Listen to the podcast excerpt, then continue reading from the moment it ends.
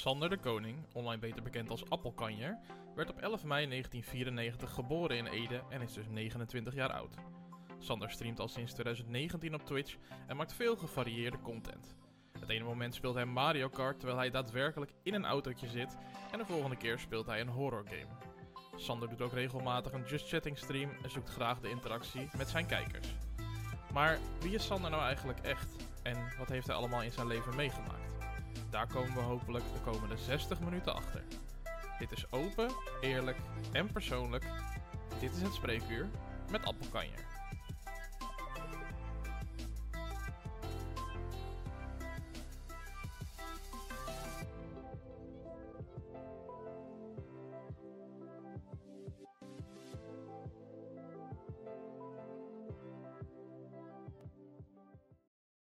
Ja, en daar zijn we dan met aflevering 6 van seizoen 6. En in totaal aflevering 47 alweer van Het Spreekuur. De 1 op 1 podcast van Nederland, waarin je in 60 minuten alles leert over mijn gast. En vanavond is mijn gast Appelkanjer, beter, of ja, Sander, beter bekend als Appelkanjer. Goedenavond, Sander. Goedenavond, hallo. Hoe is het ermee? Het, uh, het gaat wel prima, het gaat wel prima. Hoe wil het hier? Hoe wil het met jou? Ja, nee, eh, hartstikke goed. Uh, we okay. gaan richting aflevering 50. Het is... Uh, aflevering 50? Ja, richting. Ja, dit is aflevering 47. Dus het, Jeetje is, mina. het is bizar. Um, dus ja. ook, mocht je dit nou voor het eerst luisteren of voor het eerst zien, sowieso van harte welkom uiteraard. Ook de terugkerende kijkers en luisteraars, maar in het bijzonder de nieuwe mensen. Hartstikke leuk dat je er bent.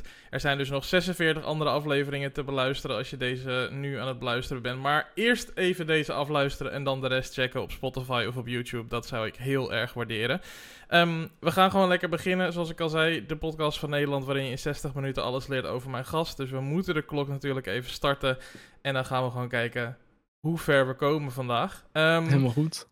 Ja, Sander. Um, geboren in Ede, zei ik in Klopt. het intro, uh, in uh, 1994. Correct. Neem ons even mee naar je, je, het, het huis waarin je opgegroeid bent, de familiesituatie, de omgeving, et cetera.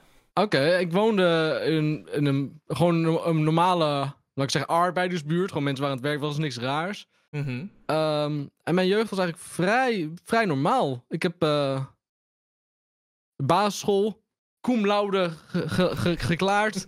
en um, ik zit nadenken, nee, er is niet heel veel denderends gebeurd in mijn, in mijn jonge pre-middelbare schoolleven eigenlijk. Oké, okay, en gewoon, wat, voor, wat, voor, uh, wat voor huis, uh, wat voor gezinssamenstelling ben je in opgegroeid? Uh, ik heb één zus. Um, ik heb een moeder, ik heb een vader. Die zijn nog samen.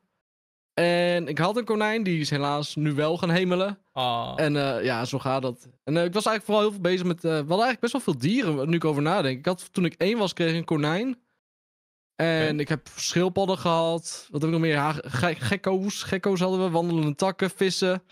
Ik was, uh, ik was een dierenmannetje. Ja. Leuk. Oké, okay, beestenbende thuis. Ja, en ja, uh, absoluut. Uh, oudere, jongere zus, hoeveel jaar ik, heb één, ik heb één oudere zus van twee jaar ouder, ja. Twee jaar ouder, oké. Okay. Ja, dus ik was het jonkie. Ja. En Ede, ik, ik ben denk ik nog nooit in Ede geweest zelfs. Kan je Oh. iets vertellen over, voor mensen die dat niet kennen, dorp, stad, iets ertussenin? Ja, Wat het was een beetje... Ede was altijd een beetje het randje van... De meeste mensen noemen het dorp en die werden boos dat je het een stad noemde of zo. Ik weet niet wat het is. en het is... I don't know, het was net niet noemenswaardig genoeg of zo. Je had leuke steden. Mhm. Je, kent, uh, je hebt Arnhem, je hebt Nijmegen, oh, Zwolle, Amersfoort. Dat is allemaal leuk. En Ede, Ede trok mij nooit echt zo aan eigenlijk. Ik weet niet wat het is. Het was een beetje een soort, in mijn hoofd een soort stad die er later bij is gekomen of zo. Ik weet niet wat het was. Het was gewoon... Cultuur was niet echt. Ik, ja, dat was het. Het was, het was niet zo denderend Ede. Het was saai. Ede is, nog, is Ede nog steeds saai? Ja, nog wel. Het is nog steeds saai.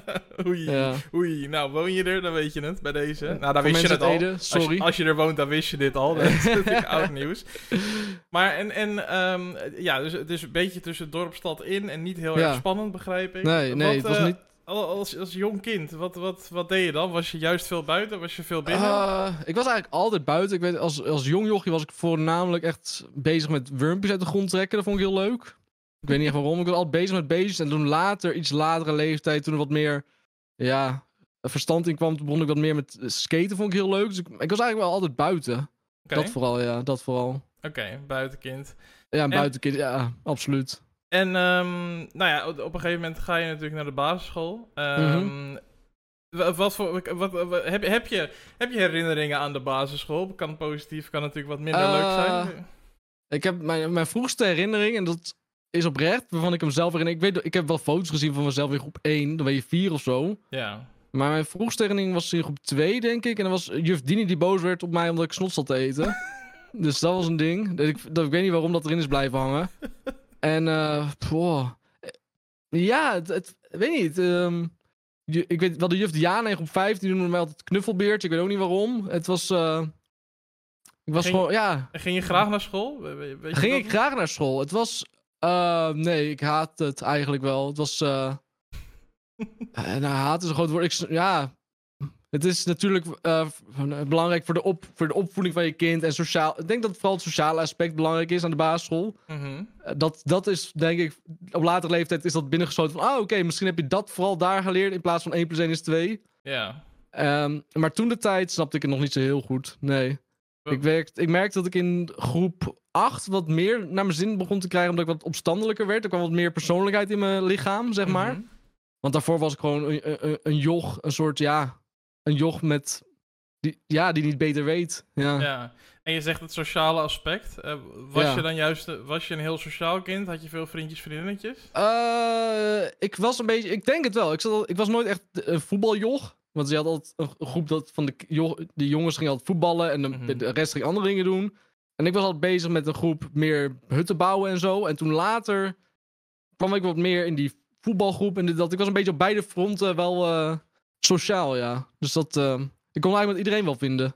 Ja. Ja. En, en na school dan? Want de basisschool is een tijd waarin je geen zorgen hoeft te maken over huiswerk of belasting betalen en zo. Dus Klopt. je kon doen wat je wilde eigenlijk. ja, Met ja, dat is toestemming van je ouders. Wat, eh, wat gebeurde er na schooltijd? Ik weet nog dat toen ik zeven of acht was, heeft mijn moeder van mijn neef, mijn oudere neef, die is een stuk ouder, zijn PlayStation 1 gekocht voor me. En sindsdien ben ik er nooit van afgebleven, eigenlijk, die videogames. Ik, dat was eentje die heel lang gewoon in mijn brein eh, is blijven hangen, de PlayStation 1. Mhm. En toen later een Gamecube of zo. En ik, weet, ik was zo blij met die Gamecube. Want ik, ik was als kind was ik al daadwerkelijk aan het googelen van Super Mario 64, PlayStation 1. En ik kon niet begrijpen waarom dat geen ding was. Ik wou dat zo graag. Dat is alles wat ik wou. Ik wou gewoon Mario spelen en ik kon niet. Maar ik had Spyro. Spyro was ook leuk. Ja. Ja. En, ehm, hoe heet het? Dat, dat, dat, Oké, vroeg een PlayStation in huis Ja, dus. En vroeg al, vroeg al spelletjes spelen. ja, dat- het ding was wel... Het, eh, alle, heel veel vriendjes die hadden dan een Game Boy Color of een oude Game Boy. Mhm. En, eh, of ik heb er niet naar gevraagd, maar ik, ik denk het wel. Maar ik, ik heb nooit een handheld gehad, tot de Nintendo DS. Ik had de oude Game Watch Donkey Kong van mijn vader. Een soort oranje DS, maar dan zonder Mhm. de touchscreen en alles. Mhm. En eh, daar speelde ik heel veel mee. Dat was mijn ding. Maar En- eh, ja, de, de handhelds hebben wij als eh, gezin overgeslagen. Ja, en, en, en verder kan je nog herinneren dan, want je kreeg dat van je ouders. Nou, je Ja. ouders wisten ongetwijfeld dat je daar veel uren ook op ging spenderen. Ehm, was dat in jouw huishouden dan ook verder een ding? Speelden je ouders misschien of je zus ook dingen? of? Eh, mijn zus later wel. Dan hadden we eh, een soort Bubble Trouble of zo voor de PlayStation. Mhm. Ehm, mijn moeder, die, weet je wel, die, die is niet met de Atari opgegroeid, dus die snapte er niks van. Die vond het gewoon mooi dat ik het naar mijn zin had en waarschijnlijk stil was. Eh, ik weet dat mijn vader, die had eh, toen later, had hij een, een golfspel gekocht of zo. Ik weet niet wat het was. En we hadden zo'n super kleine muismat. Mhm. Met echt nog zo'n zo'n oude computermuis en een balletje erin. En dan moest hij keihard moest hij die muis over het bureau rachen of zo. En dan ging de golfclub weer al geslagen. Dus je kon altijd horen als hij aan het golven was. Dat weet ik nog wel. Maar ja, dat, de, de, de gamefase is niet echt overgeslagen naar de rest van de familie. Het is een beetje bij mij gebleven. Ja. Ja. En wa- was jij dan, was jij die jongen in de straat, zeg maar, waar iedereen naartoe ging om dan op zijn PlayStation te spelen? nee, dat eh, Oh. helemaal niet eigenlijk. Volgens mij iedereen bijna had een PlayStation 1. Oké, oké. Tenminste, volgens mij is de PlayStation 1 toen de tijd de best verkochte console wat, van dat moment. Mhm. En je kan ze nu nog steeds oppikken voor twee tientjes op Marktplaats. Dus dat vertelt hoeveel mensen er een hadden. Ja. Het was juist de mensen met een Nintendo 64. Daar kwam ik bij over de vloer. Ik wou die Super Mario. Ik moest die Mario hebben. Ik weet niet wat het was. ja. Maar waar had je, waar, dat had je dan bij andere kinderen gezien of zo? Of wat, hoe, hoe kwam je bij Eh, Mario? Ja, ik had gewoon één beste vriend. En die had een Nintendo 64 toen de tijd. En dat vond ik prachtig. Ik, ik, ik, vond het, ik weet niet wat het was. Het was- Ik vond Mario zo intens genieten.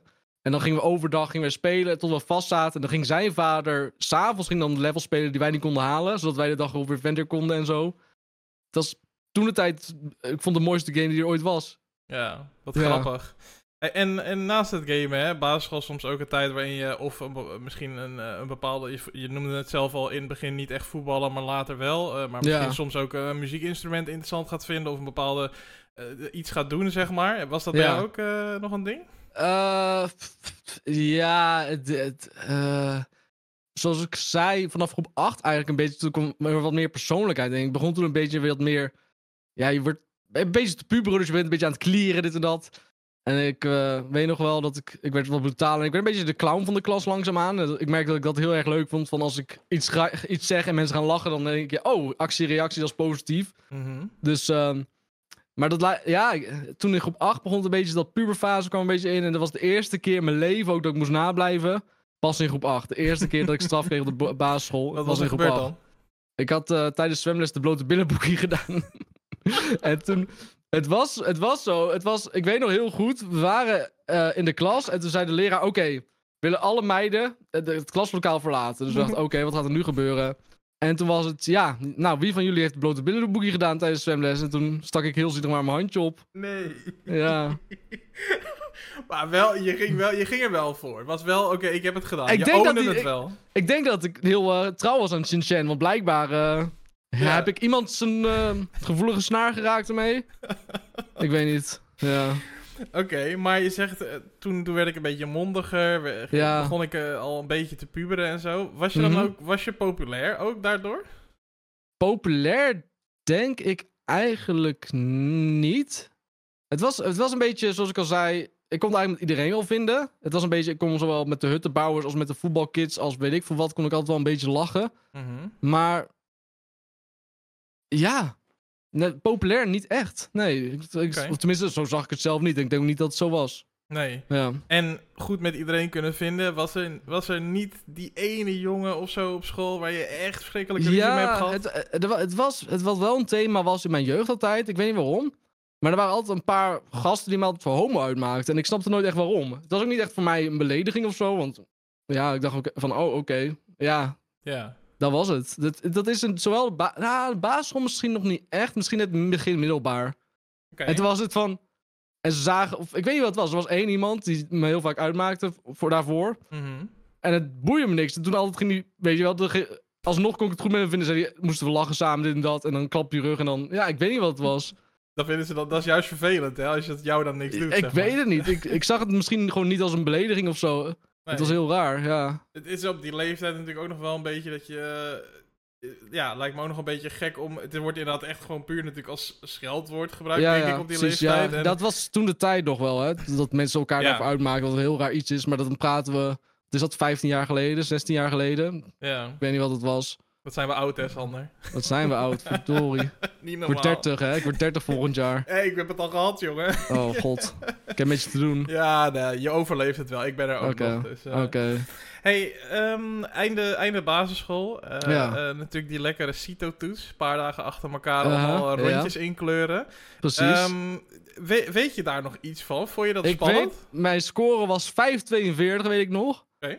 En ik weet dat ik als voorbereiding, want ik ging altijd 8 uur mijn bed uit, want ik woonde praktisch na school. Dus het begon half negen, dus ik kon er in vijf minuten zijn. Mhm. En ik weet dat ik toen de tijd elke dag om half opstond en dan ging ik Mario Mix Dancing Stage doen. Ik weet niet of je dat kent. Nee, Zeg maar, Dance Dance Revolution, maar dan in Mario Land. En ik dacht bij mezelf van, ja, misschien ben ik, word ik dan wakker en dan ben ik alert en weet ik wat. Ik, dat deed ik altijd.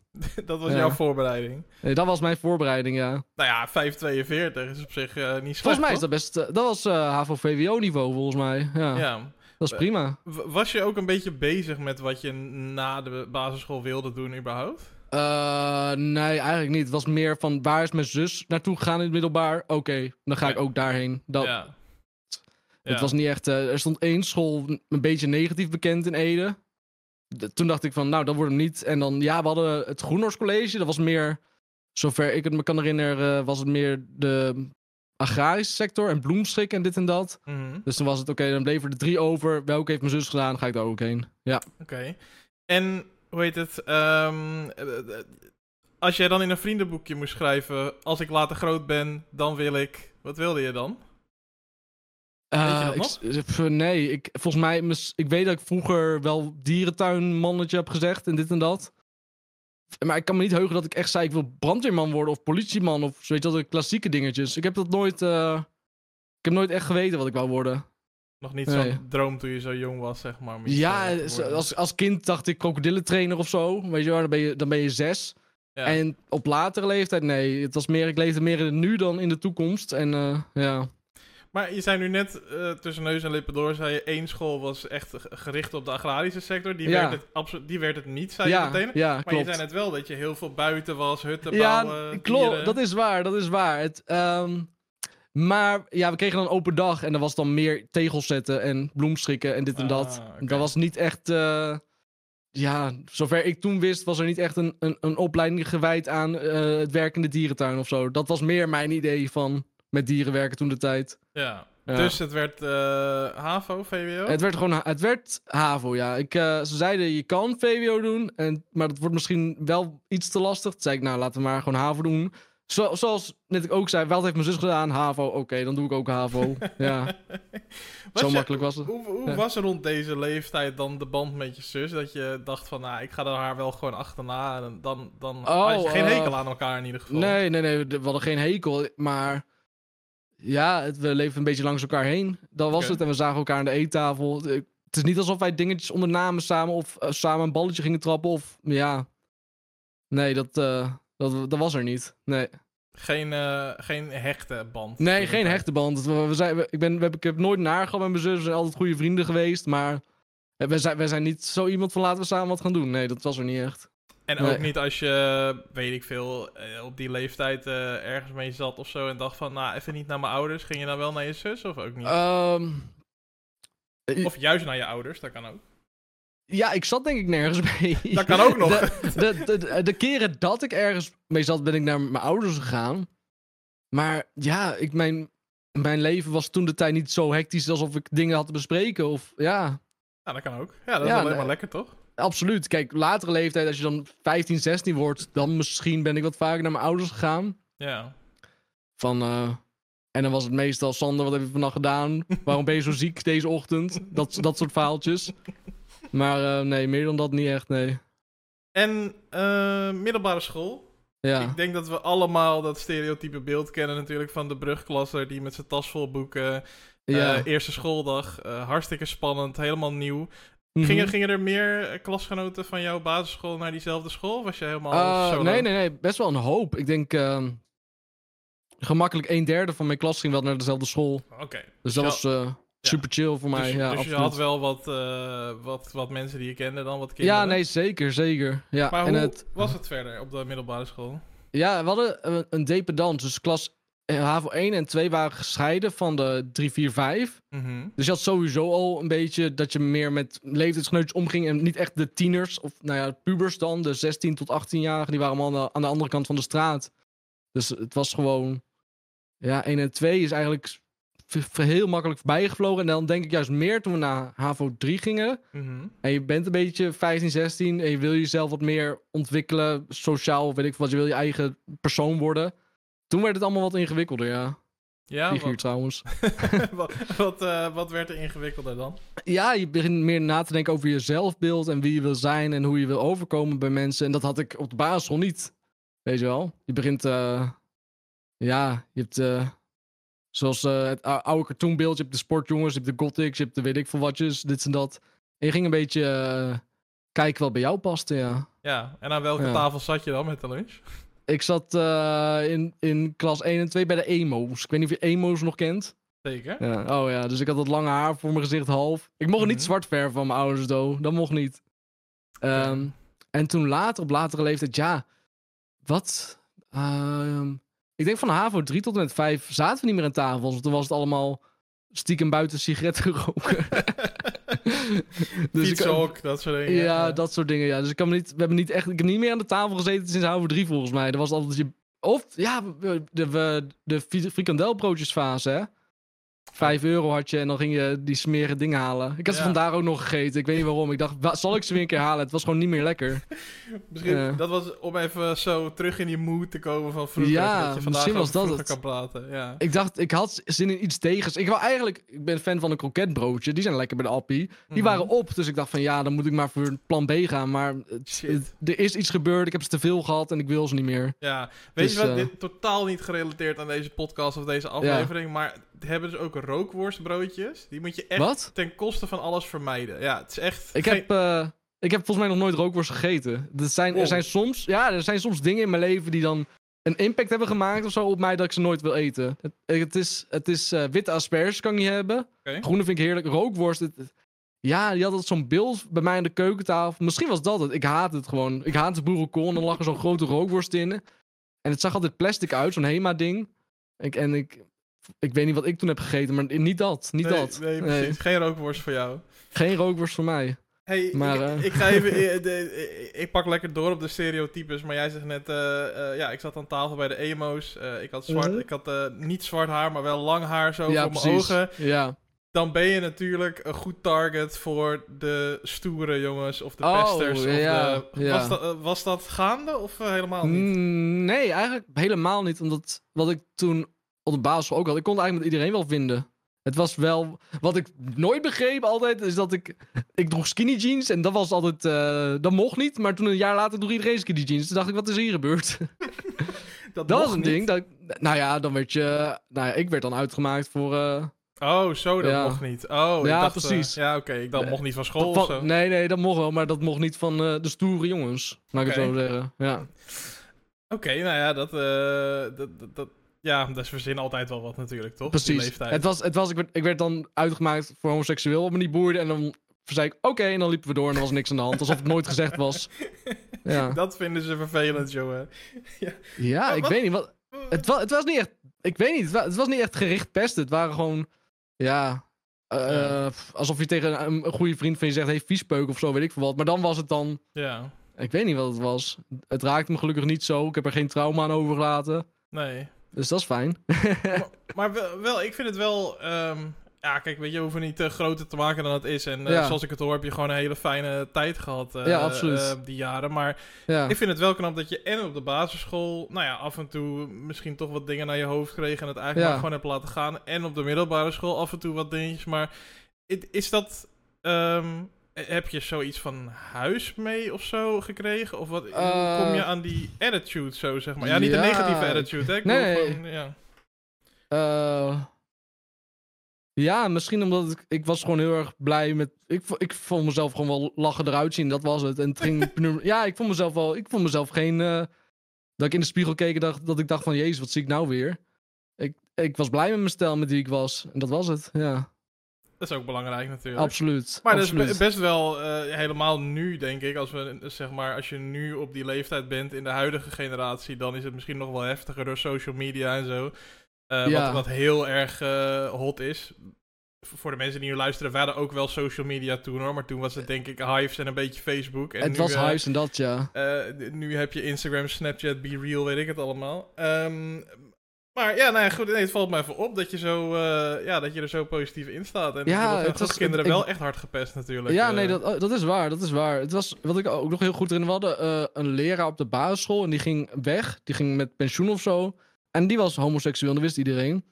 En toen was het van, oké, wie wil de leraar spelen? In, want we deden een stukje in groep 6 of zo. En ik vond het zo raar. En niemand stak zijn hand op. Dus dacht ik, nou, oké, ja, maakt mij niet uit. Er was een soort, ja, een soort angst ervoor of zo. En je wou er niet voor worden uitgemaakt in de- die jaren. En Ja. ik weet niet wat het was. Het was heel raar. Ja. Eh, eh, Ja. ja. ik denk dat het altijd... Het is nu natuurlijk wel veel meer... eh, dat er veel meer over gepraat wordt. Dus misschien helpt Ja. dat heel erg. Ja, Ehm, maar ja, er zullen altijd mensen blijven die er anders naar kijken. Ja, dat, Dat is waar. Het, het is, het is, ik heb gewoon in mijn brein nooit begrepen dat iemands geaardheid een, een scheldwoord is. Of weet ik veel wat, snap je? Ik ja, vond dat heel apart. is het ja. ook. Is het ook. Laten we dat voorop stellen. Ook als mensen dit luisteren, het is niet normaal om daarmee te schelden. Maar helaas gebeurt het wel. Laten we dat... eh, ja, laten we het niet, eh, het. niet doen alsof het er niet is. Ehm, je, je zegt nu net, eh, als ik naar mezelf keek, dan... Ik was best wel tevreden met mezelf. Met hoe ik was en hoe ik eruit zag. Ehm, resulteerde dat ook in aandacht van andere mensen, laat ik zo zeggen? Eh, nee, dat viel wel mee. Je bedoelt eh, romantisch inzicht, be- bedoelen jullie dat? Romantisch inzicht. Nee, ja. dat viel eigenlijk best wel mee. Ik had eh, op mijn veertiende vond ik iemand leuk en daarmee heb ik een relatie gehad op mijn negentiende. Dus Zo. het was ook niet alsof ik beschikbaar was of zo. Het- ja. Ehm, nee, dat. tenminste, ik heb er nooit zo naar gekeken. Volgens mij was het er niet. Ik denk niet dat het er was. Ja, zoals ik al zei, ik heb een, eh, een hele lange leeftijd, jonge leeftijd een lange relatie gehad. En Ja. eh, Wow, Ja. wat, wat een... eh, dat is echt zo'n ja, middelbare schoolrelatie, relatie zeg maar. Maar Ja, wel al lang, hè? precies. Wel lang, 4,5 jaar, ja. Van mijn 14e tot mijn 19e. En toen helaas, hè. Toen Maar- helaas. Maar hoe... Ja, ik ben, ik ben toch even nieuwsgierig, hoor. Want het is meestal inderdaad op die leeftijd van... Nou, weet je, soms zie je ze de ene week met die en de andere week weer met die. Ja, ja. Ehm, hoe, waarom bleef dat bij jullie dan wel zo lang aan? Ehm, ja, ik, het, het klikte toen. Nou, klikte het. Het, eerste, ik hoop het wel. het eerste jaar klikte het. En toen was het een beetje van beide kanten gewoon gewenning, denk ik. Mhm. En dan, eh, ja, en de, de- uiteindelijk na, na jaar drie gebeurde er nog weinig. En was er weinig spectaculairs. Het was meer eh, een beetje op de bank tv kijken toen uiteindelijk. Ja. En, eh, maar ik ben ook nog nooit van dat scharrelige geweest enzovoort. Ik ging wel, wel eens uit en had je vrienden. En dan gingen ze met een vreemde in de club, de club tongen. En ik snapte dat, dat kon ik ook nooit begrijpen. Zo vies eigenlijk. Ja, Eindelijk iemand die dat ook niet snapt. Ik ik, snap dat ik dus vond dat zo apart. Dan, dan gaan we, gingen bier dronken en dan... Het, zijn doel was om met iemand te zoenen. En ik kon dat niet... Maar dacht, waarom zou je dat doen? Ja. Wat haal je daaruit? Maar ja. Maar, en, en ehm, eh, je zei sowieso dat het een leeftijd was, eh, middelbare schooltijd. Hè? Dat is natuurlijk echt de serieuze puberteit. Ja. eh, waarin je ook drank en roken noemde, hoorde ik. En misschien Ja. ook wel drugs. Eh, hoe, was de, hoe was die periode dan voor jou? Die feestperiode, om maar even zo te Ja, het, noemen? het was... eh, wij zijn ook nog de generatie waarbij je van 16 jaar al mocht eh, Ja. drinken en roken. Wat ik trouwens een heel raar iets was, maar dat was toen normaal. En ja, natuurlijk begin je twee jaar eerder, hè. Zo, tenminste de meeste. Dus ik was van mijn 14 er al mee bezig. Ja. En ja, het was... ja, het, het, was, het was normaal. Het was gewoon vrij normaal. Maar hoe, eh, hoe, hoe begon dat dan? Eh, niet thuis, Ja. neem ik aan. Nee, nee, nee, nee, zeker niet thuis. Het was, eh, ja, dan heb je iemand die dan een keertje op de basisschool is blijven zitten. Dus die is al een jaartje ouder. En die wordt dan net, net toevallig 16, dus dan komt diegene halen. Of we hadden iemand die ouder leek. Mhm. En ehm, ja, we hadden, er was altijd een soort, soort kloof. Je had kids die thuis zaten op vrijdagavond en kids die dan op stap gingen. En ja, ik was optie 2. Ja. En, natuurlijk, als, als kind, als, als je iets niet mag, dan wordt het natuurlijk alleen maar interessanter. Dus eh, ja. En ja, eh, ik weet niet waarom. Het was gewoon. Ja, het, was, eh, het, het doel in Ede was: je moet 16 worden en dan kun je stappen. Mhm. Stappen op het. Hoe heet dat plein ook weer? Ik weet, is het centrum of ik weet niet hoe het heet. Museumplein. Dat was het doel waar. Tenminste, ik en al mijn vrienden. En zover ik weet, iedereen een beetje voor gingen. Mhm. Naar het Museumplein gaan. Ja. Ja. Dat was. en eh, eh, de- de- de- dit gaat dan over alcohol, maar je zegt Ja. eh, dingen doen die niet mochten. Wat mocht er nog meer niet dan van thuis? Eh, nou, alcohol. Ik dronk geen alcohol thuis, maar het was niet zeg maar. Het, is, ja, net zoals nu. Het is nog zo genormaliseerd of zo. En je verwacht dat iemand gaat drinken vanaf zijn achttiende. Dus het was Mhm. nooit iets van. Mijn ouders die zeiden van. Je mag absoluut niet drinken. Dat was niet. Roken hadden ze misschien wel. Hadden ze wel een probleem mee. dus. ehm, en drugs. Drugs viel, viel best wel tegen. Het was. Volgens mij heb ik voor het eerst gebloot toen ik 16 was. ja. En eh, dat, was, dat was drie maanden lang heel leuk, vond ik dat. En toen was het, kon ik gewoon, was het gewoon uitgewerkt of zo. Het werkte niet meer hetzelfde. En toen was ik ook klaar mee. Oké, blowde je veel dan? Nou, het was, het was, ik was in de, ehm, het was lente of zo, een beetje zomer. Dus het was net zomervakantieperiode. Dus dan ging ik twee avonden per week, ging ik wel met vrienden ergens, weet je wel, blowen. Ja. En dan, eh, ja, dan had je, dan had je die, die, die slappe lach en dit en dat. En dat vond ik prachtig. en, dan, eh, en opeens moest ik niet meer giechelen, ik moest niet meer lachen. En toen dacht ik, oké, de fun die ik had is weg. En toen was het klaar. Ja. Ja. Ja. Je zei net al ehm, dat je dan wel eens eh, thuis kwam of de volgende ochtend dat je ouders vroegen van waarom ben je zo ziek en waar was je Ja. vannacht? Ja. Kan, kan je, neem, even, neem ons even mee aan de keukentafel naar één zo'n verhaal. Nou, ik weet de allereerste keer nog wel. Dat ik, eh, ik kwam thuis en ik was natuurlijk hartstikke duizelig. En weet je wel, alcohol, dit en dat. Veel te veel gedronken. Mhm. En eh, ik weet nog wel, ik, moest, ik stond, mijn ouders waren nog op. En ik kan niet Oh. zomaar opeens niks zeggen en naar boven gaan. Ik moet even hallo zeggen. Dus ik weet nog wel, ik stond in de deuropening van de woonkamer. En ik dacht gewoon naar de tv blijven kijken. Kijk ze niet aan, kijk naar de tv, kijk naar de tv. En vanaf dat moment ben ik naar boven gegaan. En de volgende ochtend was ik doodziek. En mijn moeder zei dat ik uh, mijn tanden had gepoetst. En naast de bak had uitgespuugd en dit en dat. En ja, het was uh, geen charmant iets, maar ja. Maar, en, en om ons een beetje een beeld te geven van hoe jouw ouders daar dan mee omgaan. Hè? Is dat dan uh, preek de volgende dag? Is het dan van, je hebt er vast wel van geleerd, we doen er verder niks mee? Ja, het was vooral, ik vond het zelf sowieso al heel erg beschamend. En ik denk dat ze dat ook wel zagen. Ja. En dan was het natuurlijk wel van, oké, dat mag een keertje, je bent jong, dit en dat. Maar ik schaamde me altijd dood dan. Dus ik denk dat ze, dat de les er al in zat, zodra ik wakker werd. Dat ik dacht, oh mijn god, wat heb ik gedaan? Ja. Ja, begrijpelijk. Ja, maar ik heb niet echt, niet aan mijn ouders hardhandig. En je bent, weet je wel, wat heb je gedaan, idioot? Nee, helemaal niet. Het was gewoon, nou, daar zit je dan, hè? Ja. Met je koppijn. Ik zo, ja. ja, ja, ja, ja, En extra hard praten, even, weet je wel. Ja, dat ja. En je zei net, uh, uh, je moest een beetje lachen toen je zei, ja, roken, daar waren ze iets minder blij mee. Dat hebben ze dus ook soort van ontdekt. Ja, het was, um, het was vanaf mijn veertiende, weet je, af en toe, toen van mijn zestiende vast. Mm -hmm. En toen, uiteindelijk toen 19 of 20 was, toen zei ik tegen mijn ouders, oké, okay, ik rook. En toen zei ze, ja, dat wisten we natuurlijk al lang. weet je wel? Als je meteen na het stappen Axe body spray gaat opdoen of weet ik wat, dat gaat niet helpen. Weet je, ja. ja, ze zijn ook Helaas. niet gek natuurlijk. Nee, ja. precies. Voor de kids thuis, uh, als je rookt en je probeert te verbergen, ze weten het wel. Ze weten het al lang. ja, precies. Doe ja. geen moeite, ja. Precies. Zonder van de ex-body Nou ja, het is beter om, om het te verbergen, want anders wordt het gewoond en dan ga je het bij hun doen. Ja, dat is ook weer waar. Dat is ook weer waar, ja. Rook je nog? Uh, nee, nee. Heel af en toe met een, een drankje erbij, maar nu niet meer, nee. Oké. Okay, okay. Gelukkig, ja. hey, middelbare school, dat is wel natuurlijk vaak echt een tijd waarin je echt serieus na gaat denken van... Oké, okay, wil ik nog steeds uh, krokodillenverzorger worden of uh, toch, iets, toch, iets, anders? Ja. Um, wat ontdekte je op de middelbare school? Wat vond je leuk? Welke vakken, welke kanten? Uh, ja, het, het, het, middelbare school was een beetje zoekende. Ik probeerde te ontdekken of ik... Ik voelde iets voor het creatieve aspect en ik probeerde daar mijn weg een beetje in te vinden.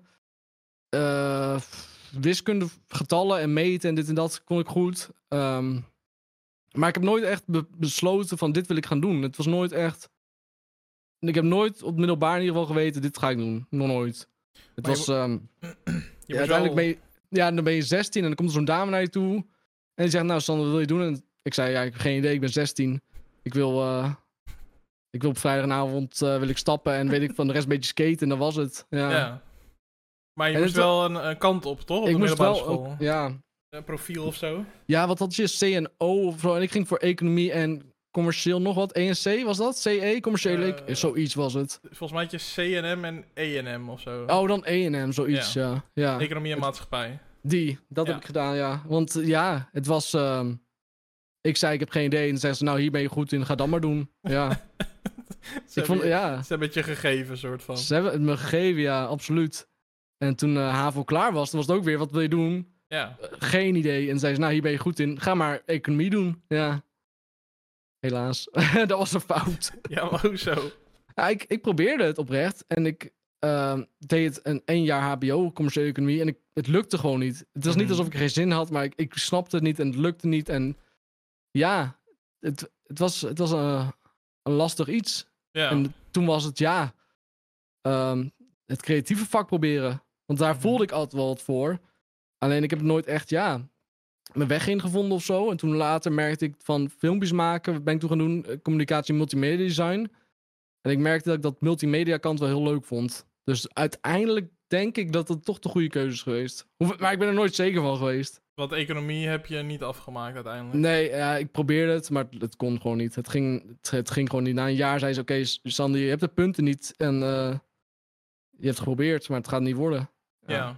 Dus toen, toen was het uh, klaar. Toen je ging studeren, ben je toen eigenlijk ook uh, op jezelf gaan wonen ergens? Nee, nee, nee. Uh, ik woon in. Uh, ik studeer in Arnhem en dat is dus naast Ede. Oh, ja. Dus ik heb nog tot mijn 25ste genomen bij mijn ouders. Vooral financieel was al heel handig. Ja. dat scheelt. Dus ik, heb geen, ik had geen massa studieschulden gebouwd. Ik woonde lekker bij pa en ma. Het was niet alsof ik op kamers ging of zo. ja, had ik de behoefte daaraan? Pff, nou, waarschijnlijk niet. Anders had, je, maar heb je, anders had je wel gezocht misschien? Of, uh, nou ja, het was wel af en toe, dan ging je wel s'avonds bij vrienden die wel op kamer zaten, ging je daar een beetje beetje hangen en een pilsje drinken of zo. En dat wa- Mhm. het was wel leuk, maar het heeft me nooit, ik heb nooit gedacht van, oh, ik wil ook eh, op mezelf zijn. Nee, ik had prima thuis. Ja. Nou ja. Ja. ja. Hey, en ehm, eh, wat deed je eigenlijk? We hebben het veel over vrije tijd gehad natuurlijk. Maar eh, Ja. eh, er is natuurlijk ook een tijd dat je op een gegeven moment eh, gaat werken. Wil Ja. of moet misschien wel van je ouders, Ja, sommige mensen. klopt. Ja. Wat heb je allemaal gedaan qua bijbaantjes? Op mijn zestiende begon ik als de, de classic bij de Appie, vakkenvuller. Ik vind het trouwens al bizar. Ze hebben nu overal buiten staan, dit ga je verdienen per uur. Mhm. Ik verdiende 4,15 euro per uur. En nu verdienen ze, ach, als 18-jarige, wat verdienen ze? 12 euro Ja, of zo? Bizar, hè? Ja. Dat is raar, Wij hebben echt ja. voor minimumlonen gewerkt Oh, die 100 echt, echt ja. verboden hadden moeten zijn. Ja. Dat is, dat is. Ik weet, ik verdiende mijn achtste 4,15 euro. En toen ehm, had ik een gesprek met mijn manager. Die zei, oké Sander. En dan de leugens af. Ik vind het zo jammer. Waar je contract niet verlengen. En toen zei ik, is het omdat ik 18 ben geworden? Want dan ben ik duurder. En het was, nee, nee, nee, dat is niet. Dus, Puur eh, toeval. Puur toeval. Dus het was een einde aan dat verhaal. En ik weet nog wel dat ik bij de karwei had gesolliciteerd. En ik had een eh, sollicitatiegesprek. Mhm. En eh, aan het einde van het gesprek was ik in principe al aangenomen. En ik zei, hoeveel ga ik verdienen? 4 euro 10 per uur. En toen zei ik, ik ga niet voor 5 cent minder werken dan ik bij de appie kreeg. Dus ik ben daar nooit, nooit gaan gaan werken, nee. Ook dat nog. Wacht, mag ik even, iets, even, even een real-life eh, ervaring van iemand die dat wel heeft gedaan? Ik heb dus de Albert Heijn altijd ontweken, want het leek me dus verschrikkelijk. Ja. Wa- wa- hoe heb jij het werken bij, in een supermarkt ervaren? Ehm, ja, het, het ding was, eh, je, je werkte dan, eh, ik werkte of s'avonds, dus van 7 tot wanneer het af was. Dus was meestal 7 tot 10. En op zaterdagochtend van 10 tot 3. En ik vond dat de langste tijd ooit. Vijf uur achter elkaar werken. Ik, ik had het idee alsof het echt. Het kon niet voorbij gesleten worden. Ik haat het. Het was. eh, ja, nee, het was, het was niet leuk. Duidelijke review. Ja. ja. En, Het was- oh, sorry, ja. Ja. dat was het? Het, het, was het niet waard om zo om vijf uur lang te slenteren met al die meuk. Voor ja. Voor 20 euro. Ja. Voor 20 euro. Maar goed, Ja. hey, we, we beginnen allemaal ergens. En op die leeftijd waar. elke keer 20 euro gewoon in je spaarpot kunnen doen, is natuurlijk ook Nou, lekker. Spaarpot weet ik niet. Nee, oké, ja, toen, toen, in die tijd kon je er nog wat twee pakjes peuken van kopen. ja, absoluut. Ik weet, een pak check kost toen de tijd volgens mij 4 euro nog wat of zo. Dus Oh, dus je kon er wel even mee door. hey, tel uit je winst. Ja, precies, precies. Ehm, het wordt heel raar zo, dat al dat geld aan roken en aan drank. nee, nee, nee. nee. Ehm, hey, en, en, even, en daarna dan? Want eh, dus op je 18e moest je daar ja, weg. weg. Naar En Karwei toen, werd het niet. eh, Karwei werd het niet. En toen heb ik, ben ik als informatieverlener op, op mijn school gaan werken. Wat in principe betekende, als er een open dag is, heb je een shirtje aan en mensen Oh, kunnen ja. wat vragen. En daar verdiende ik volgens mij wel echt het dubbele. Dus dat was echt opeens 8 euro of zo. Dus ik dacht, hé, hey, dat is mooi. Maar dat was, geen, dat was af en toe, dat was eens in de drie maanden een keer of zo. Mhm. Eh, zomerbaantje bij Iddink. Ik weet niet of Iddink door het land bekend is. Zegt Iddink jou iets? Mij Schoolboeken? Oké. Oh, dus, oh ja, volgens mij wel. School, ja? ja? ja, het was, en dan moest je drie maanden lang in een, in een fabriek werken en dan moest je schoolboeken sjouwen. Dat was niet het leukste wat ik ooit heb gedaan.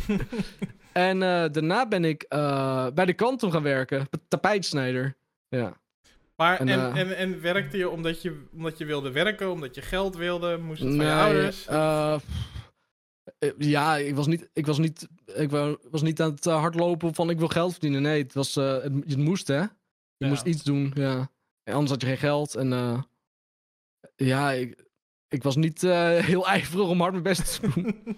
en had je, Ja. iets, ehm, had je iets waar je voor het eerst zeg maar echt voor gespaard had, wat je toen heel trots met je ei- eigen geld hebt gekocht? Ehm, ik weet dat ik ooit een keer 200 euro heb gestort op mijn spaarrekening als kind.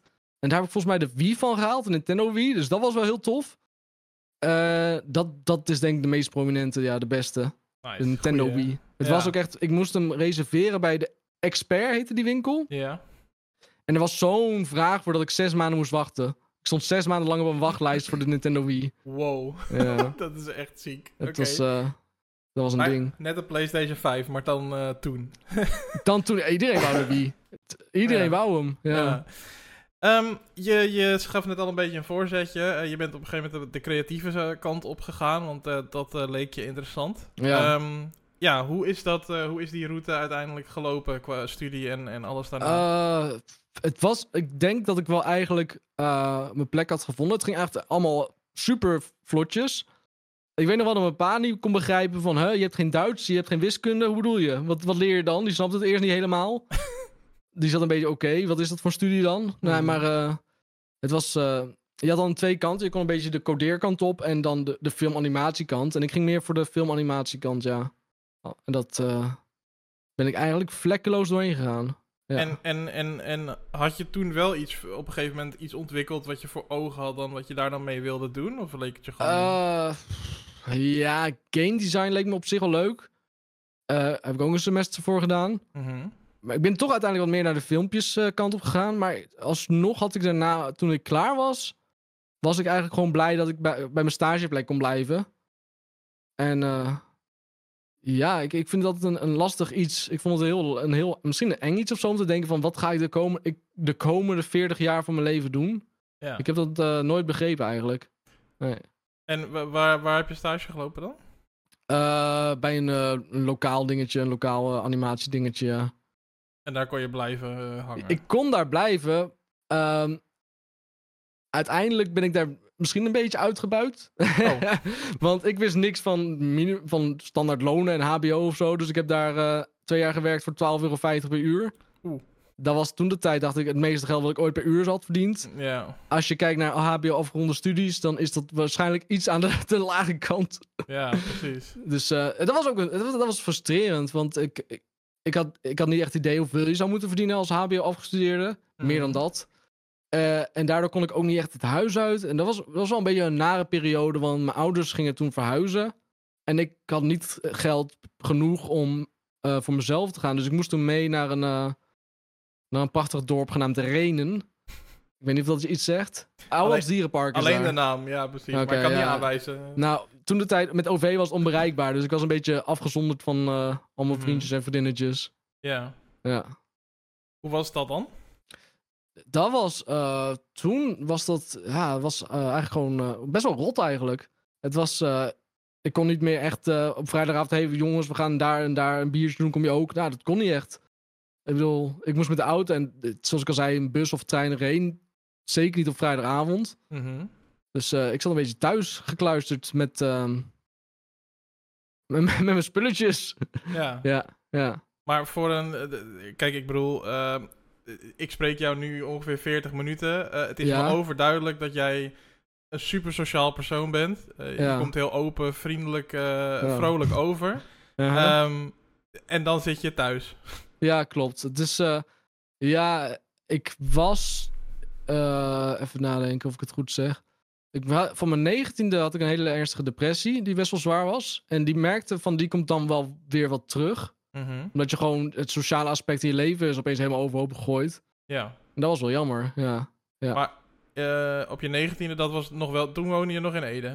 Ja, Bennekom was naast Ede. Of ja, Bennekom, ja. maar Bennekom, en, ja. wat, wat, hoe kwam dat zo op je negentiende dan? Wat, wat was Eh, het toen? eh? Ja, ik, ik weet nog wel heel goed. Ik was, ik, ik, het was oprecht. Ik weet nog wel, mijn vader kwam thuis en die zei: Sander, hoe was het? En ik barstte gewoon in tranen uit. Het was gewoon altijd omdat ik nooit wist wat ik wou in het leven. Het was, Mhm. ik, kon, ik kon gewoon niet bevatten dat, dat je dan 45 jaar lang jezelf kapot werkt. En dan ben je, ben je ja, kun je 10, 15 jaar nagenieten en dat is het. Ik, dat Ja. aspect van eh, hoe het leven eruit zag, zag ik totaal niet zitten. Nee. Dus dat vond je lastig omdat. Ik vond het heel lastig, ja. Ik vond het heel. Ik, ik, ja, zoals ik al zei. Het gewoon, het, voor mijn idee werkte je leven en dat was het. En dat is iets wat, waar ik zo tegenop keek. En ik kon het gewoon niet begrijpen. Ja. Misschien vandaag nog steeds niet helemaal. Nee. Ik, Ja. kan, kan je nog herinneren dat, toen je dat uitsprak eh, eh, naar je ouders toe, of naar je vader dan Ja. zeg je specifiek, hoe ging dat Ja, gesprek verder dan? Ik zit even over na te denken. wel. Het was een beetje lastig, het- want het was opeens. Het was ook, het was ook niet alsof ik erover wou praten. Want ik. Ja. Misschien hield ik het allemaal wel wat binnen of zo. Mhm. Maar uiteindelijk, nou, dan ga je naar de huisarts en dan was het gewoon. Ja, ik kon ook niet echt helemaal bevatten waar het vandaan kwam. Ja. Ik had altijd gedacht dat het eh, was omdat. ehm, ik dacht toen de tijd dat het kwam dat ik als, als jonge jongen uiteindelijk in mijn 16e levensjaar opeens achterkwam dat ik iets wat te veel had gegeten. Mhm. En toen ben ik heel drastisch afgevallen. En ik dacht misschien omdat ik. Dat was mijn idee altijd. Want ik was van 90 kilo naar 58 gegaan. Zo. En da- dat is niet gezond. 58 kilo is een beetje licht voor mijn lengte. Mhm. En eh, ik had altijd gedacht van misschien heb ik iets met vitamine gemist of weet ik veel wat. Want het was uiteindelijk gewoon niet eten in plaats van gezond eten en sporten. Ja. En ik dacht misschien dat daar ergens iets in mijn hersenen chemisch mis is gegaan of zoiets was het. Mhm. Ja. Ik kon nooit echt begrijpen waarom ik zo verdrietig was. En dat was het enige waar ik in het leven heel erg mee struggle, is met toekomstbeeld. Dus ja, En, en heeft dat dan, want je zegt, ben naar de huisarts geweest, dus je hebt Ja. erover gesproken. Ja. Eh, is dat verder nog, eh, heeft dat zich verder nog, er verder nog iets mee, mee gedaan? Zijn er meer gesprekken Eh, geweest? Ja, ik kreeg medicatie. Natuurlijk. Oh, en oxazepam en citalopram. Wat eigenlijk bij, voor sommige mensen kan het waarschijnlijk goed werken. Bij mij echt totaal niet. En ja, psychiater, dit en dat. Oké. ja. dat, dat, is op, dat, dat is op die leeftijd lijkt me dat ook best wel, zeg maar... ehm, ja, voor jou hef- eh, wel heftig om te ervaren natuurlijk. Maar misschien Ja. ook wel, als je om je, heen, om je heen kijkt en je vrienden en vriendinnen of zo... daar lijkt het vaak allemaal natuurlijk goed mee te gaan, wat misschien ook Ja, niet zo precies. is. Maar Precies. eh, dat moet best wel ingewikkeld zijn geweest dan voor jou. Of... Ja, het was. eh, kon ik erover praten? Ik, ik weet niet echt of mijn vrienden het grootste deel van ze wisten, denk ik niet. Mhm. Dat gebeurde allemaal thuis natuurlijk. Ja. En eh, op school eh, wa- was, was ik een beetje de clown en dan later, ja, thuis was ik gewoon verdrietig. Ja. Wat een contrast, hè? Maar ook, Ja. ook een contrast met de Sander die net zegt van... Nou, ik heb een superleuke jeugd gehad, niks Oh, aan de nee, hand. 100%. En, eh, ja, ik, eh, daar kan ik er niet aan wijden, Nee, weet je wel. ja. Dus, ik, dus ik heb nooit echt kunnen bepalen waar het vandaan kwam. Al dat, ja. Oké. ja. Hey, ehm, eh, ehm, dus je, je ouders gingen verhuizen. eh, jij Ja. moest mee, want je had geen financiële middelen om maar zelf iets mee eh, Klopt, ja. ergens anders heen te gaan. Ehm, toen voelde je je niet zo goed. Mhm. Hoe heb je dat opgepakt? Ik begon met een app genaamd Tinder. En toen heb ik ja, een hele goede vriendin van me leren kennen. En daar nog steeds spreek ik er regelmatig. Heel, heel aardig mens. En daar kwam ook het streamen vandaan eigenlijk. Omdat ik mensen niet konden langskomen. Was van oké, ik speel dit spel. Dit is leuk. Hoe ga ik dit met jou delen? Mhm. En zo begon het. Twitch. Ja. Dus je, hebt- je bent Twitch begonnen om, om, om het spelen van spellen te delen met, met andere mensen. ja, nou in principe met één iemand. Met één En, iemand. ja. en toen uiteindelijk, ik weet dat ik drie maanden lang. Toen uiteindelijk waren er na drie maanden misschien twee mensen of zo. Dat soort dingetjes. En eh, ja, het bleef een beetje plakken. Ja. Hey, en Sander, ehm, jij gaat twitch.tv, je klikt op registreren en dan Ja. moet jij een naam invullen. We moeten het er Eh, toch even over hebben. Dat- het was eerst, eerst was het eh, kaaskransje. Oké. En dat is zowel een koekje als een synoniem voor, ehm, volgens mij, smegma. en toen, eh, ehm, toen ik mijn naam veranderd, omdat ik dus aan het streamen begon. Ja. En ik weet dat op de PlayStation 4 had je rechtsboven je naam staan. ja. En ik wou nooit mijn volledige naam daar hebben. Dus ik had Snackbar Sander of zo ingevuld. En toen heb ik het Mhm. gewijzigd daarnaar. Toen vond ik die naam niet leuk. Dus ik dacht, oh, ik wil mijn oude naam weer terug. En toen was het van, na zes maanden kun je pas weer diezelfde naam claimen of zo. Oh ja. En toen ben ik gewoon een ander koek gerelateerd ding gaan zoeken, ja. Dat was het. Maar wat is jouw obsessie met koekjes dan? Ja, ik weet het niet. Ik weet het ook niet. Ik weet oprecht niet. Gelukkig obsessie met koekjes en niet dat andere, want... Ja, nee. ze- ik denk wel dat dit de eerste keer is in 47 afleveringen dat het woord smegma is gezegd in Nou, de kijk eens podcast. aan. Dus, eh, toch de lat is gelegd. Toch Heel nog een primeur, toch nog een primeur. Heel goed. Ehm, maar dus, en toen ging je streamen op Twitch en in het begin Ja. dus alleen maar... De, maar ik moet toch even vragen, want je zegt nu een hele goede vriendin. Via Tinder Mhm. leren kennen. Was dat Ja. vanaf het begin alleen een goede vriendin? Of- Ja, nee, dat was we zijn uit eten geweest en toen kwam het al snel naar voren. Oké, we hebben het leuk samen, maar meer zit er niet in. En toen zijn we eigenlijk altijd eh, wel vrienden gebleven. En ja, zij kwam uiteindelijk ook, zij kwam wel regelmatig langs. Mhm. Eh, ik weet niet, misschien was haar verbinding of zo naar Rene wat beter. En toen gingen we ook wat meer samen muziek maken en een beetje clearen en samen skaten. Zij was heel erg in animaties en dan ging ik daar gare deuntjes voor maken voor haar animaties. Dat was gewoon een hele leuke Mhm. tijd. Ja. Wat voor muziek maak je dan? Eh, ik maakte toen de tijd een beetje instrumental indie dingetjes. Ja. Maar niks eh, noemenswaardigs hoor. Maar met, met, met wat? Elektronisch? Of, eh? Ja, elektronisch. Ik, had een, eh, ik heb op Marktplaats heb ik een, een Fostex bandrecorder gekocht. Want ik weet nog wel, ik probeerde Fruity Loops uit en Ableton of zo. Mhm. En ik kon, ik kon mijn hoofd er niet om winden of zo. Ik kon niet begrijpen hoe je dan muziek maakte. Ja. Dus ik dacht van, ik wil gewoon iets waarmee ik kan opnemen. En dan kan ik daarover nog iets opnemen. En dan nog iets en dan nog iets. Dus een, een bandrecorder, ja. Dat was, eh, dat snapte ik wel. Ja. Ja. Ja. Maar zo begon je dus je Twitch-avontuur. eh, Via Tinder, dat is weer een nieuwe soort... eh, die heb ik nog niet gehoord. eh, Een nieuwe, ja. in al die tijd. Maar op een gegeven moment kwamen er meer mensen kijken, begrijp ik. Ja, het was, het was het was een beetje raar, want ik schaamde er eigenlijk voor toen de tijd. Want ik ging Mhm. niet in mijn eigen. Ik ging niet bij mijn eigen vrienden vertellen van... hé, hey, ik praat op het internet tegen mensen die er misschien niet zijn... en ik doe spelletjes, weet je wel. Dat was een beetje een beschamend iets toen, dus... Ik deed ook nooit aan zelfpromotie bij mijn eigen kring. Mhm. Eh, ik weet dat na drie maanden was er iemand die vroeg aan mij: heb je Discord? En ik had geen idee wat dat was. En, eh, maar verder heb ik nooit echt zeg maar, mezelf gepromoot. Ik voelde dat totaal niet. Ik dacht, eh, ik leef een beetje met het idee van wie goed doet, goed ontmoet of zo. Mhm. En als mensen komen, dan komen ze. En als ze niet komen, komen ze niet. Ja, Ja. dat was het. Ehm, wat mij opviel, hè, want eh, ik heb natuurlijk voor het introfilmpje wat ik net afgespeeld heb aan het begin, heb ik eh, eh, zitten graven in je, in je clipjeshistorie. Ja, ja. ik kon niet helemaal terug tot 2019, tenminste. kon- volgens mij ben je ergens in 2019 begonnen, kan dat? Zoiets, dat klopt volgens mij wel. Het was ergens Ja. februari 2019, ja. Ja, Ja. Ik, ik kon niet helemaal tot daar terug, maar het viel me vooral op dat de eerste paar maanden dat ik clipjes van je vond, streamde je echt alleen maar je gameplay en geen, Ja, nee, eh, niet De jezelf, eerste zeg maar. twee jaar heb ik gewoon zonder cam gestreamd. Ik eh, vond dat doodeng, het internet. Ik weet niet Ja? wat het was. Ja, ik vond het heel eng. Want ik was altijd bang van eh, dat mensen naar kwamen doen of zo. Ik was gewoon heel erg... Ja, maar ligt ook wel onzeker. Nee. Ja, ik weet niet wat het was. Ik vond het gewoon doodeng om mezelf dan te laten zien. En dan straks noemen ze je dingen of weet ik veel wat. Mhm. Ja, dat vond ik lastig. Ja. Dat is niet die Sander die op de middelbare school zei, ik ben best wel tevreden met hoe ik eruit zie. Nee, dat is waar. Ja, misschien eh, komt dat ook na die depressieve periode of zo. Ja. Maar je merkte toen ook wel op Twitch dat er een soort soms ook wel narigheid was van mensen die Mhm. elkaar dan belachelijk gingen maken. Of dan, ja, er, wa- er was gewoon wat meer narigheid op Twitch denk ik toen. Ik heb ook wel streampjes gezien van mensen die dan een ander belachelijk maken of weet ik veel wat. En dan, daar had ik geen zin in. Ja. Ja. Maar je ging wel door. Ik ging wel door, want ik vond het toch wel heel leuk. ik, eh, ik merkte, ik wist van, van tevoren altijd van, ik wil heel graag wel met camera streamen uiteindelijk. Want Mhm. ik, wil, ik, ik weet dat ik gewoon geinige dingen kan maken. En daar moet ik helaas voor in beeld zijn.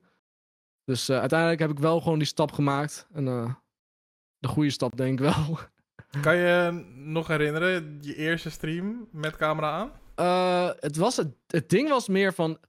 Er was een, een, een, een, een streamerduo, eh, Speelparadijs, en die gingen dan. Oh, wij gaan onze face reveal doen.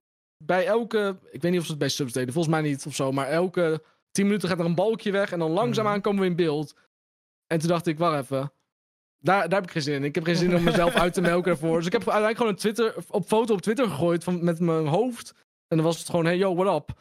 En mensen kwamen met die end van, die ben jij niet toch? What the fuck, wie is dit? En toen uiteindelijk heb ik volgens mij in juli die foto gedropt. En in september heb ik volgens mij de eerste stream met camera gedaan. Ja. En voor mijn idee deed ik het best wel goed. Ik heb het later nog een keer toevallig wat van teruggezien. En ik was wel een beetje ongemakkelijk. Het was even nieuw allemaal en eng Mhm. of zo. Maar je groeit erin, hè. Ja. Al, alles wordt een gewoonte, alles went. Ja. Ja, nee, dat, eh, dat is absoluut waar. ja. En had je. Was er, een, eh, was er een plan? Je, bent een, je, bent, je hebt een creatieve eh, geest, als ik het zo hoor. Ja. Je ging ook bewust creatieve studie doen. Eh, Ja. Je wilde dingen met de media doen. Was er een plan met je stream? Was er een plan? Nee, ik merkte gewoon dat ik het. net als voor werk. Ik vind animaties maken voor klanten niet leuk. Maar voor mezelf wel. Zeg maar, ik vind dat gewoon genieten. En dit was zeg maar een soort platform waar ik zelf dingen kon maken. En zelf kon bepalen wat ik wil maken. Ja. En ik merkte dat ik daar gewoon heel veel voldoening uit haalde toen de tijd, ja. En voor de rest was er een plan. Ik had geen plan van ik wil dit bereiken voor dat of weet ik veel wat. Nee, absoluut niet. Het was gewoon, ik had naar mijn zin, ik vond het leuk om te doen. ja. Dat was het, ja. En, en qua eh, soort content, want nou ja, je begon met een, een, een spel streamen voor één iemand, om zodat Ja, hij mee kon klopt. kijken. Ja, Ehm, had je zoiets van, want het was natuurlijk in 2019, 2020, toen jij zeg maar begon, was gamen nog steeds wel, nou ja, het was, dat was wel een beetje, eh, toen begon Just Ja, Chatting ook al wel een beetje op Ja, te komen precies. natuurlijk. precies. Ehm, had je al voor jezelf bedacht van, dat vind ik ook wel interessant, of wilde je spelletjes blijven spelen? Nee, ik, volgens mij heb ik echt de eerste anderhalf jaar alleen maar Battlefield 5 gespeeld. dat vond, vond ik een heel leuk spel, nog steeds trouwens. En toen later, ja, was het echt Warzone kwam binnen en ik raakte daar heel erg verslaafd aan. Mhm. Dus ik heb volgens mij nog een jaar Warzone gedaan. En toen heb ik wel een beetje een plan opgezet van... oké, weet je wat, ik heb hier een greenscreen en ik gebruik hem nooit. En toen heb ik wel gedacht van... oké, ik wil een, een soort format bedenken, ik wil dingen gaan doen. Dus toen was het wel echt... ehm, ga retro gamepies of ga retro accessoires... of gewoon geinige greenscreen streampies of bakdingetjes, weet ik veel wat, ja. Ja. Toen kwam Ja. er wel wat meer vorm in. Ja, want Ik had een intro kunnen maken, Sander, met, de- die vijf minuten had kunnen duren. Met allemaal verschillende clipjes. eh, ja. Met verschillende overlays. Met eh, jij op een pizza. jij Klopt, ja. in een opblaasbaar autootje. Mhm. Mario Kart spelend. Nou ja, Ja. Echt alles wat ik aanklikte was anders. Ehm, ja. is, dat, is dat waar je van houdt? Want het straalt ook een beetje chaos uit en een beetje... Oh. Ja, het- ja, eigenlijk wel. Het ding was gewoon. Ik ontdekte gewoon dat ik. ehm, ik weet niet wat het was. Ik begon gewoon met retro dingetjes verzamelen. En toen dacht ik bij mezelf: oké, ik ga alle games die ik leuk vond uit mijn jeugd kopen. Nou, dan speel je ze ook automatisch. mhm. En wat ik ook ontdekte was dat de Wii was zo intens populair dat elk bedrijf er accessoires voor maakte. Mhm. Elk bedrijf ooit wou inharken op de Wii of zo. En er zijn zoveel gare dingen uitgekomen. Mhm. Dus dat was een soort streamer goudmijntje of zo dat ik had gevonden van... Oké, daar kan ik hele leuke content uit halen, ja. Ja, met die Ja. Wii van die 200 euro die je zelf eh, bij elkaar Ja, gewerkt oh, had. ja, absoluut, absoluut. Ehm, maar qua chaos, ik weet niet. Het is... eh, Nou, ik geniet er wel van. Ik geniet er wel van een beetje chaos eigenlijk. Ja, Ja. en misschien, eh, ik merk dat, terwijl ik het zei, dat, dat chaos natuurlijk een wat negatievere lading heeft. Maar ik Ja. bedoelde meer dat elk clipje wat ik aanklikte, dan zat je weer links, dan zat je weer Ja, rechts in beeld, dan had je wel een greenscreen, dan weer niet. En zeg Klopt. maar, ja, Ja. dat wisselt gewoon heel erg. Ja, ik had, ik had gewoon heel erg de behoefte om... eh, eh, het was gewoon toen de tijd echt elke keer een uur van tevoren voorbereiden voordat ik live ging. En ik merkte dat ik daar toen, zeker omdat ik zoveel leuke dingen had ontdekt die ik wou delen, Mhm. dat ik daar gewoon heel veel voldoening uit haalde. Dus het was nooit echt moeite om alles op te bouwen en weer te veranderen en alles in OBS weer goed te zetten. Het was gewoon, ja, leuk. Ja, ja. Ja. Als je het leuk vindt, dan scheelt het een hoop, hè? Dan Dat, is het bij- bijna geen moeite, bijna Nee, geen. nee. Hey, als je zoveel tijd en moeite en energie en liefde in, in streamen stopt en in een platform als Twitch, eh, dan is er natuurlijk een, eh, eh, een, een. Er is wel een soort doel voor een heleboel streamers. er is een soort doel, ja. Ja, we kunnen er niet omheen, eh Sander. het is zo. je dacht is... vijf minuten op de klok, hij gaat het er niet meer ik, over dacht, hebben. ik dacht, het gaat niet meer gebeuren. Nee, maar goed. Elephant in the room. Je Ja. kan natuurlijk Twitch partner worden. Dan, ben je, soort, ja, dan ben je partner van Twitch. Ja. Dan krijg je een vinkje bij je naam. En dan, dat is voor mensen die dit niet kennen. Dat is een soort programma waarin je voor in kan schrijven. En je kan toegelaten worden als je nou, bepaalde, hoe noem je dat? Cijfers Criteria, haalt, ja. criteria haalt inderdaad. Et cetera. Ehm, dat is bij jou volgens mij een soort van dingetje. Dat is een dingetje, ja. En in alle eerlijkheid, ik heb nooit gedacht dat ik überhaupt boven de 75 kijkers zou hebben bij één stream. ja. En toen, gedurende die fase met de greenscreen en al die Wii-dingetjes, ging dat gewoon gestaag lekker. Mhm. Tot ik uiteindelijk dacht van, oké, we kunnen het daadwerkelijk aanvragen. Ja. Dit is gekkigheid of zo. Dan had ik niet verwacht dat ik eh, elf aanvragen later nog steeds geweigerd zou worden. Ik weet het niet. Het was, zoals ik al zei, ik leef dus een beetje met het idee van wie goed doet, goed ontmoet. Mhm. Dus ik, ja, het was, het was, er was een soort nieuwe soort golf van streamers. En iedereen probeerde elkaar te helpen partner te krijgen. ja. Dus ik kreeg ook tipjes hier links en rechts. En waren mensen van, oh, dit is zijn mailadres. Stuur hem een mailtje anders. En ik dacht van, ja, ik heb geen recht op zijn mailadres. Want dan heb ik via via, ga ik hem lastigvallen. Ja, hij is, Dus ik de- dacht, hij is in de- dit verhaal de partner manager. Partner manager, ja, precies, sorry. Ja. Dus, ja, eh, en misschien had ik het wel moeten doen. Want het ding was een beetje, ik heb verhalen gehoord dat mensen zeiden van, oh, ik heb hem gewoon op LinkedIn een bericht gestuurd. En toen zei hij, oh, als zodra je 100 kijkers hebt, krijg je hem. En Ja. diegene heeft dat gekregen. Mhm. En terwijl ik twee keer ben geweigerd met 104 en 114 gemiddeld op een maand of zo. Dat je Mhm. denkt van, ja, wat is hier aan de hand? Ja. Ja. En ik heb geen zin om die man, te, zoals ik al zeg, eh, zei van, als ik de Twitch partner manager was, ik zou niet willen dat mensen in mijn DM's glibberen en zeggen, hey, hoe- wat moet ik doen? Weet je wel? ja. Dus dan heb ik dat ook zeker zelf niet gedaan, maar er is een soort, ergens zit iets scheef daar. Ik weet niet wat het is. ja. Ja. Knaagt het? Pff, nou, in het begin een beetje. En toen uiteindelijk kon ik er gewoon wel om lachen. Ja. Het- en, en, vooral omdat heel Twitch Nederland toen de tijd zei van wat gebeurt hier, wat is er aan de hand. Mhm. Dus iedereen was een beetje verbaasd of zo. Ik weet niet, ik, ja. Uiteindelijk, ja, heeft het nog meer waarde tegenwoordig? Volgens mij niet. Nee. Nou ja, dat, dat is een, een logische vervolgvraag natuurlijk. Wil je het Ja. überhaupt nog wel? Eh, Kijk uit, hij kijkt misschien wel mee. hij kijkt misschien wel mee. Nou, daar ben ik, dat uh, beangstigt me niet meer. Nee, ik- als het zou gebeuren zou het leuk zijn, maar ja, het is geen doel meer per se. Nee, Dat, eh, dat doel is vervlogen. ja. Ja. Ik wil Ehm. meer gewoon leuke dingen doen en eh, dan ben ik eh, waarschijnlijk veel gelukkiger. Ja, nou ja, we, we sluiten de podcast sowieso altijd af met een, met een blik in de toekomst. Ehm, ja. Met wat je hoopt, wat je droomt, wat je graag zou willen doen. Dus dat is Ja. misschien een mooi bruggetje. Naar partner is misschien geen doel meer. Maar, ehm, en het hoeft niet Twitch gerelateerd te zijn. Hè, want Nee, ik ben ook nog even super benieuwd eigenlijk wat je eh, buiten Twitch om eh, eh, doet. En wat je graag Ja. zou willen doen in de toekomst. Dus wat, wat ehm, ja, he- heb, je inmiddels, heb je inmiddels een plan wat je de komende is een 40, plan. Ik- 40 jaar wil doen? De 40 jaar weet ik nog niet. Ik, heb wel, ik had even pauze van streamen, omdat ik even gewoon even alles opnieuw wil opbouwen. Oké. Dus ik, wil, ik heb een nieuw format in mijn hoofd, een nieuw concept voor ons voor streampjes. Dus dat zit eraan te komen. Mhm. En voor de rest, ja, ik heb een zeefdruk, want we zijn mijn eigen, onze eigen merch gaan drukken. En dat doen we thuis. Dus ik hoop dat daar nog veel meer gaat gebeuren. Ja, Of dat mensen bij mij komen drukken, zoiets. Ja, dat zou leuk zijn. ja, zie je hem al eh, hier. eh, Daar is die, hè? ja. Precies. Nee, dat eh, lijkt me heel tof. En ik ga proberen om ook lokaal voor lokale dingetjes te drukken die mensen willen kopen. Ja, dat lijkt me wel lachen. Want is, is dat dan, ik zeg het nu even heel kort door de bocht hoor, maar is, is dat waar je nu van leeft? Of heb je nog een baan? Een nee, ik ben baan? voornamelijk eh, animator en illustrator daarnaast. Oké, En dan maak ik voornamelijk animaties voor bedrijven. Dat vooral, ja. als eh, zelfstandige zeg maar. Als zelfstandige, ja. Misschien ook niet de beste keuze. Het is heel ingewikkeld. Elke keer belastingen en weet ik veel wat. En ja, Ja, maar past het bij je om het zelfstandig past te werken? wel bij me, ja. Ik heb, ehm, ik heb eh, twee jaar geleden een vaste baan gehad. En toen een maand daar gewerkt. En dan was het weer van... Was het drie uur 's middags. En dan was het, oh, vermaak jezelf maar tot vijf uur. En dan was het... Ik, Oh ja. ik kan, ja, het was... Uiteindelijk zit je dan gewoon de, tijd uit te zitten. Terwijl ik veel liever werk wanneer er werk is. Laat ik het zo zeggen. Ja. Ja. Of eh, dan was er, kom, we gaan een vergadering inplannen van een, van een uur. Mhm. En dan was de vergadering klaar. En dan zeiden ze, wat vond je ervan? Dan zei ik, ja, dit kon je ook in vijf minuten bij mijn computer vertellen. Wat zijn we nou aan het doen? Zo'n omslachtige wereld soms af, af en toe. Ik kan het, ja. Soms gebeuren er rare dingen. ja. Ja. En eh, in je eentje heb je daar geen last van? In mijn eentje heb ik daar geen last van. Nee, ik ga geen vergadering met mezelf inplannen voor een uur. Zodat ik kan zeggen, ik heb een uur nuttige dingen gedaan. Want dat is totaal niet nuttig.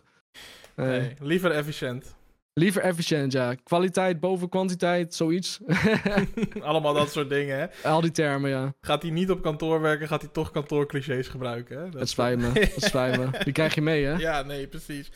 Hey, en en eh, als laatste, eh, niet, werk, Ja. niet werkgerelateerd, ehm, gewoon privé. Wat, eh, wat, wat zou je nog graag willen doen of bereiken? Heb je, heb je Eh, bepaalde doelen die je graag zou willen halen? Eh, financiële stabiliteit lijkt me wel fijn. Dat is als ZZP'er vaak lastig, maar eh, financiële stress, eh, als dat wat minder is, ben, ik- ben, ik, ben ik blij. Ja. Ja. En, en het andere onderwerp waar we natuurlijk over gesproken hebben qua mentale gezondheid, is dat het tegenwoordig... Ga je wat lekkerder? Het gaat, het gaat een stuk beter, gelukkig. Ja. Soms hè, je hebt pieken en dalen en dat heeft iedereen. Mijn dalen zijn misschien iets dieper dan gemiddeld. En dat Mm. hoort erbij. Ja, zo is Ja. het. Is ook Ja. zo. Maar goed, dan zijn je toppen ook... eh, Oh, meters hoog. precies, precies. ja, dat is het voordeel ervan, hè. Dat is, eh, Absoluut. Dat is ook lekker. Hey, ik ehm, wil je super erg bedanken voor de afgelopen Ja, geen probleem. 60 minuten en een beetje. Het is voorbij gevlogen in alle eerlijkheid. Ik hoop Ja, eh, dat je het ook leuk vond. Ja, en nou ja, ik, ik, ik, ik vraag het altijd eh, aan jou. En ik ben wel benieuwd, mocht de term Smegma ooit terugkomen, dan wil ik, wil ik het horen. Oké? Dan moet je mij even wat sturen. Is goed, dan ga ik het je zeker laten weten. Die titel verdedig ik met eer op dit moment. Je hebt toch zo'n Twitter-account van eh, de NOS zei voor het eerst. En dan zeg Oh maar... ja, ja, ja. Ja, nee, niet een Smegma Twitter-account. Ik zag je heel raar kijken. ik, maar ja, ik dacht ook. nee, er is zo'n er is zo'n Twitter-account, de NOS zei voor het eerst. En die houdt dus bij welke woorden er, ik weet niet hoe ze dat doen, Ja. die voor het eerst gezegd worden ooit in het journaal. Dus daar kwam er bijvoorbeeld ooit een keertje Banga-lijst bijvoorbeeld voor het allereerst. precies. En dan, nou, dit zou echt zo'n situatie zijn. eh, van, nou, dit, is nog, dit woord is nog nooit in de podcast gezegd. Eh, ja, nee, super erg bedankt. Eh, Ja. ik, ik vond het echt hartstikke leuk. Ik ben ook altijd eh, nieuwsgierig naar wat jij hiervan vond om een uur zo over jezelf zo persoonlijk te praten. Ja, het is, het- ik zat er eigenlijk een beetje eh, moeilijk in, want ik ben ook zo gewoon van, ja, hoe interessant ben ik? Ehm, maar het, zoals ik zei, het, het is voorbij gevlogen en ja, het was gewoon een heel fijn gesprek eigenlijk. Blij, blij dat we kunnen lachen, dat vooral. Ja, toch? Nee, Ja, Nou, absoluut. vind ik heel mooi om te horen. En eh, nou, fijn dat je het in ieder geval zo hebt ervaren. Ja, absoluut. Ehm, ja, ik vond het hartstikke leuk dat je te gast was. En ik vond het ook hartstikke leuk. eh, iedereen die meegekeken heeft, of misschien heb je hem teruggeluisterd of teruggekeken. Sowieso super tof dat je deze aflevering hebt gecheckt. Zoals ik al zei, was dit aflevering 6 van seizoen 6. En in totaal is dat aflevering 47 van het Spreekuur. Ehm, aflevering 6 betekent dat we dit seizoen nog vier afleveringen te gaan hebben. En volgende week is mijn gast Kippensoepje. Hij is ook een Twitch-streamer. En eh, ehm, ja, hij komt bij mij te gast om te praten over hem, over zijn stream, maar vooral ook over zijn leven en wat hij zo al heeft meegemaakt. En de rest van het seizoen hebben we nog uh, Puck Live, uh, ook een Twitch-streamer, uh, Rikachu, YouTuber en ex-streamer. En Jan Meijroos, gaming-journalist. die hebben we ook nog allemaal te gast. Maar de eerstvolgende aflevering is dus op woensdag 16 augustus weer om 8 uur s'avonds op twitch.tv slash het underscore spreker als je hem live mee wil kijken. Um, vandaag was uh, Sander mijn gast en uh, je kan al zijn uh, socials kan je vinden in de omschrijving. Dus als je hem nou wil volgen, doe dat even. Lijkt me hartstikke leuk als jullie dat willen doen. Ik krijg zojuist een appje binnen van mijn zus. Ik heb het spreekuur gekeken, dus mijn hart zit in mijn keel. Oh, oh, oh, oh. Is ze nog aan het typen? Is, uh, ze is, is aan het typen. typen. ja, oké, oké. Okay, nou, hou dit, hou dit vast. hou dit vast. Als je er nog bent, uh, sorry als we, als we onaardige dingen... Nee, we hebben niks onaardigs gezegd trouwens. Volgens mij niet, toch? Nee, je hebt zelfs gezegd dat jullie gewoon een prima vriendschap hadden. Oh, dat heb je gezegd, ja.